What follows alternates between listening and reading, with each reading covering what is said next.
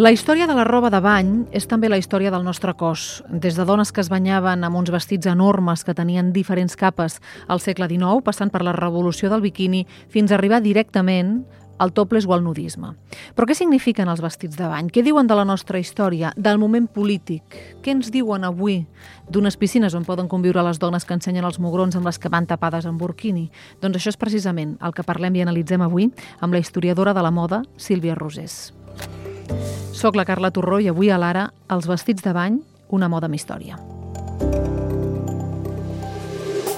Alba, fem repàs històric dels vestits amb què ens hem banyat, començant pel segle XIX, precisament. I la primera data a retenir és 1812. Hortència de Beornàs era la reina d'Holanda, mare de l'emperador Napoleó III de França i, segons els historiadors, és una de les primeres dones que va portar un banyador modern. Va ser al voltant del 1812, i atenció amb la modernitat, eh? Perquè era de tot menys còmode.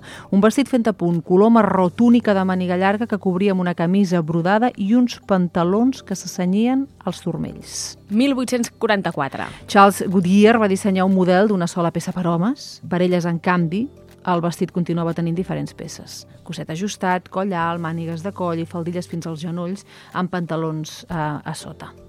Però era obligatori anar tapat. Sí, de fet, el 1919 la nedadora Anne Kellerman va anar a les platges de Boston, als Estats Units, amb un vestit de bany ajustat, amb el qual mostrava els braços, les cames i el coll. I va ser detinguda per exposició indecent i el seu banyador va ser considerat com el model més ofensiu de la història. I així van continuar els vestits de bany fins que va acabar la Primera Guerra Mundial. El mar va deixar de ser exclusivament medicinal, els vestits van ser cada vegada allò més còmodes i lleugers, fins que el 1921 una empresa nord-americana va llançar el primer vestit de bany elàstic d'una sola peça per dones. La imatge una mica és mm, com un vestit allò molt curtet i molt ajustat o un vestit que acaba en pantaló molt curt i molt ajustat. Durant la dècada dels 30, l'esquena i els laterals van anar guanyant terreny. I ja es van començar a veure dues peces que portaven estrelles com Rita Hayworth i Ava Gardner, però amb límits enormes. De fet, a Hollywood es va implantar el 1934 el Codi Hayes, que prohibia a les dones ensenyar el malic. Sigui, el malic no es podia ensenyar en cap cas al cinema. Però als nois, de fet, va ser il·legal als Estats Units anar amb el pit descobert a les platges fins a l'any 1937. I arribem aquí, a la dècada dels 40, i hi ha una data clau. 5 de juliol de 1946. Louis Renard va presentar el primer banyador que s'atrevia a deixar destapat al malic. Naixia d'aquesta manera i per primera vegada el biquini. El va lluir Michel Bernardini, una ballarina del Casino de París, tot i que hi ha diverses teories sobre l'origen del nom. La més estesa és que tot just quatre dies abans de la presentació havia tingut lloc a l'atol de Bikini, a les Illes Marshall, la, la primera explosió nuclear en temps de pau. I segons els cronistes de l'època, Renard va dir que el biquini s'anomenaria així perquè era una invenció absolutament explosiva. El biquini va tardar a popularitzar-se perquè es va prohibir en algunes platges. Tot i això, Brigitte Bardot, a Europa, i a Wagner, eh, Rita Hayworth o Marilyn Monroe, entre d'altres, a Hollywood, van començar a popularitzar-lo eh, al cinema. Als anys 70 mmm, ja era una peça absolutament popular i, de fet, s'ha mantingut així fins al dia d'avui, en què podem escollir, mm, trobar i remenar infinitat de models i infinitat de marques. Sílvia Rosés, historiadora de la moda, què tal? Molt bon dia. Molt bon dia. I a Espanya què va significar el biquini? Perquè aquí ens arriba en ple franquisme. Uh, bueno, és que jo penso que si, si per Franco fos encara aniríem amb, amb banyador de coll alt directament. Vull dir que, clar, perquè el, el biquini representa uh, per un cantó unes llibertats, un nou paper de la dona en societat, que el franquisme no estava disposat a, a tolerar això, no? Però es va permetre? A Espanya es podia anar en biquini tranquil·lament a la platja? No, aquí, a veure, sempre anem a la cua de tot, en general, val?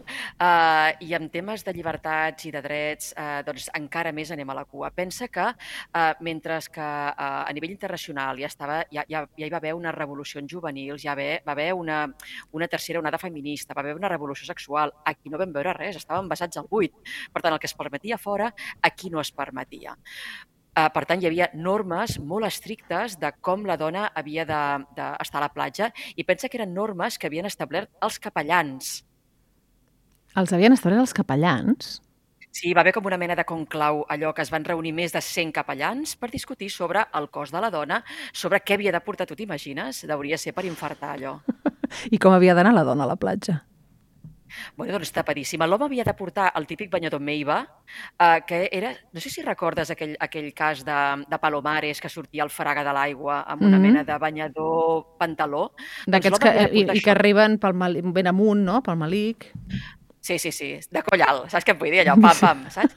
Uh, uns pantalonets. En canvi, la dona havia de portar banyador, biquini impossible, i un banyador amb una mena com de fandilleta. No sé si recordes poder les nostres àvies, que portaven un banyador que no marcava la, la zona del pubis mm -hmm. i que eren com una mica, com que ja feien una mica, era per directament no marcar aquesta zona. I a més a més, no podien estar junts a les zones de bany i si coincidien havien d'anar amb un barnús. I en quin moment canvia això? Clar, això canvia no precisament per servir a la dona amb qüestions de llibertats, sinó amb fins comercials. Uh, S'acaba l'autarquia, Espanya s'obre a l'exterior i se n'adona que el que no pots uh, exigir a les turistes és que vagin això amb coll alt, no? Per tant, uh, aquí hi ha, hi ha una pugna sobre les qüestions morals, però també els interessos uh, econòmics que el, turista, el turisme els hi reporta. Un dels punts claus va ser l'alcalde de Benidorm, que no sé si coneixeu la història, però un dia va dir jo me n'he d'anar a veure Franco. Va pujar una, a una vespa, se'n va anar fins al Pardo i li va demanar que per favor legalitzés el biquini. I finalment Franco el va legalitzar. O sigui, el va legalitzar perquè poguessin venir turistes. Ah, exacte. Això ho dic perquè hi ha un, un curt molt interessant que explica també aquesta història. Això s'ha explicat en diferents eh, documentals i tal, i sempre es posa aquest home com si fos el, el gran Don Quixot no? de, de, de les llibertats. I sempre és com una gran gesta que va travessar sobre amb, amb, amb, amb Vespa. No? Però hem de tenir en compte que ell no ho fa per, uh, per una qüestió d'alliberar la dona de, moltes, de molts esclavatges, sinó ho fa per interessos comercials. A partir d'aquí s'obre la veda, sí? i aleshores comencem a veure uh, anuncis postals que per publicitar qualsevol cosa, qualsevol costa i qualsevol destí, hi apareix una dona en biquini. Les espanyoles anaven també en biquini o eren només les turistes?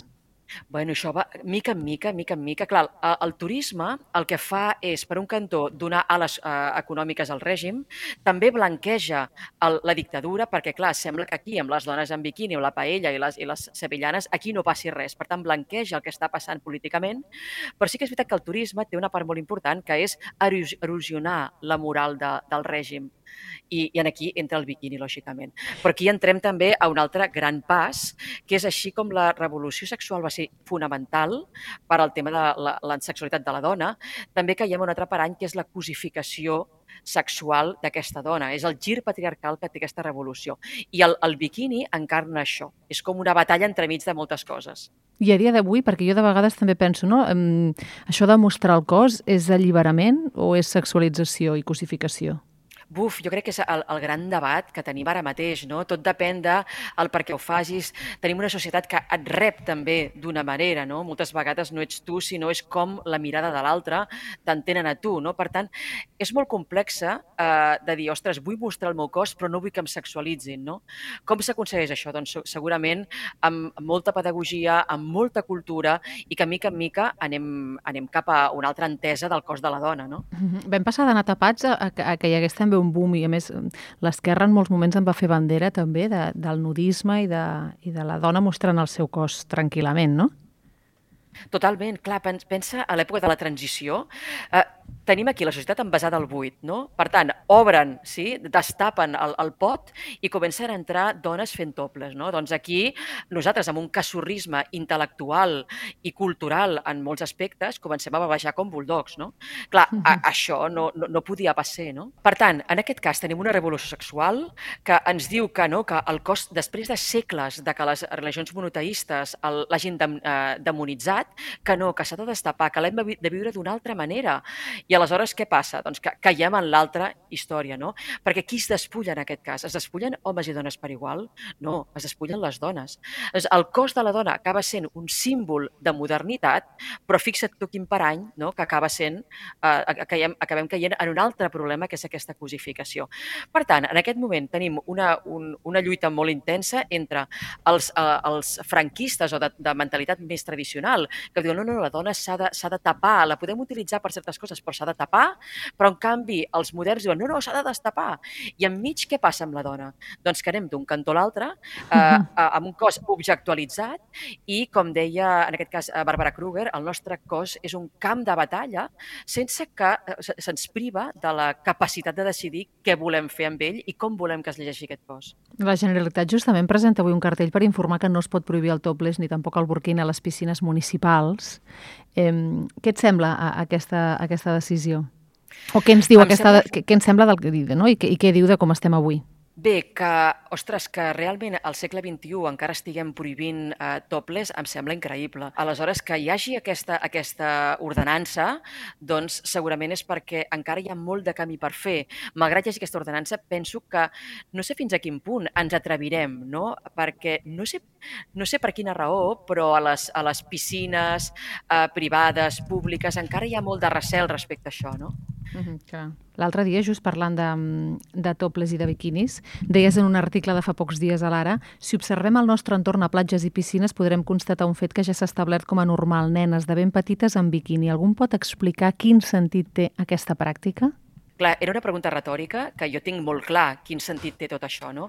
A mi em preocupa, és de les meves grans creuades, de per què l'altre dia estava a la platja i vaig veure un, un bebè d'un any amb un biquini que jo penso que no demanava ajuda perquè encara no sabia parlar, però és que allò era com una mena de tela d'aranya, no? Que estava com atrapada.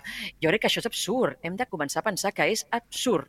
No cal que tapem parts del cos que no existeixen i, a més a més, ja els estem enviant un missatge a, a, a les nenes de que hi ha una part del seu cos que té un problema, que està malament i que per tant s'ha de tapar, estem marcant diferències entre nens i nenes i a més a més estem sexualitzant prematurament els cossos d'unes nenes i crec que això ara mateix és un greu problema en la societat, no? veient totes les coses que estan succeint. Mm -hmm. Si us plau, desexualitzem els cossos de les nenes. Per no parlar, que això a l'article no en vaig parlar, que hi ha marques que a sobre posen farcit a la part ah, del que, sostén. O sigui, a les nenes petites se'ls es, es, es, es, es, se hi posa pit. Exacte, no només és tapar aquesta zona, sinó que a sobre els estem posant volum. Per favor, m'agafa un cobriment de cor. Si la història de la roba de bany és també la història del nostre cos, perquè ho és, no?, en certa manera, què ens diu la roba de bany d'avui, d'aquests cossos nostres? Jo crec que la, la, la roba de la moda, ai, la moda en general és la història del cos, és la història de moltes coses, no? I el biquini, és, eh, o sigui, el bany, la roba de bany és igual. És la història del nostre cos, és la història del gènere, és la història de les classes socials. Explica tot, no? Què ens diu ara? Uh, bé, hi ha molts, uh, molts tipus de roba de bany diferent, per tant, és l'època del tot s'hi val. Uh, es veuen, per exemple, aquests, aquesta mena de calces com molt, molt altes que tapen el malic. Per tant, estem tornant al que tu deies, aquests, aquest, aquest eh, banyador dues peces, que encara no és el biquini. Ara està de moda aquests, aquests biquinis de, de, de, dels anys 40, no? Però Bata Cantó, no sé si t'has fixat que eh, està de moda aquesta calça molt escotada, molt, molt cap amunt, no? Mm -hmm. I això eh, està enllaçant amb els anys 80 el que es diu el bikini, que és el, el biquini amb B baixa. Mm -hmm no? que dibuixa una V baixa a la zona del pubis. Per tant, també està recuperant aquesta gran sexualització dels anys 80 i està parlant doncs, d'aquest doncs, problema que tenim ara, que el problema no és la sexualitat de la dona, ni molt menys, i que ho visqui amb llibertat. Només faltaria. El problema és que la dona quedi atrapada en aquesta mirada sexual entesa des de la mirada masculina. Sílvia Rosés, historiadora de la moda col·laboradora del diari Ara. Gràcies per haver estat avui aquí amb nosaltres. A tu, Carla.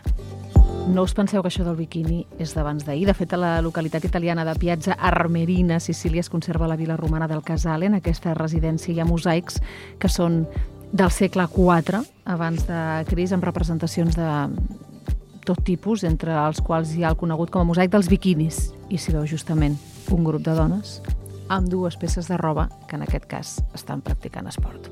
Si voleu més informació podeu trobar tot plegat en un article meravellós que va firmar la Maria Labro al diari Ara i que porta per títol Moda de bany amb història. Alba Om, moltes gràcies. Gràcies a tu. Gerard a la tècnica, jo sóc la Carla Torroixos, avui a l'Ara. Gràcies per ser a l'altra banda.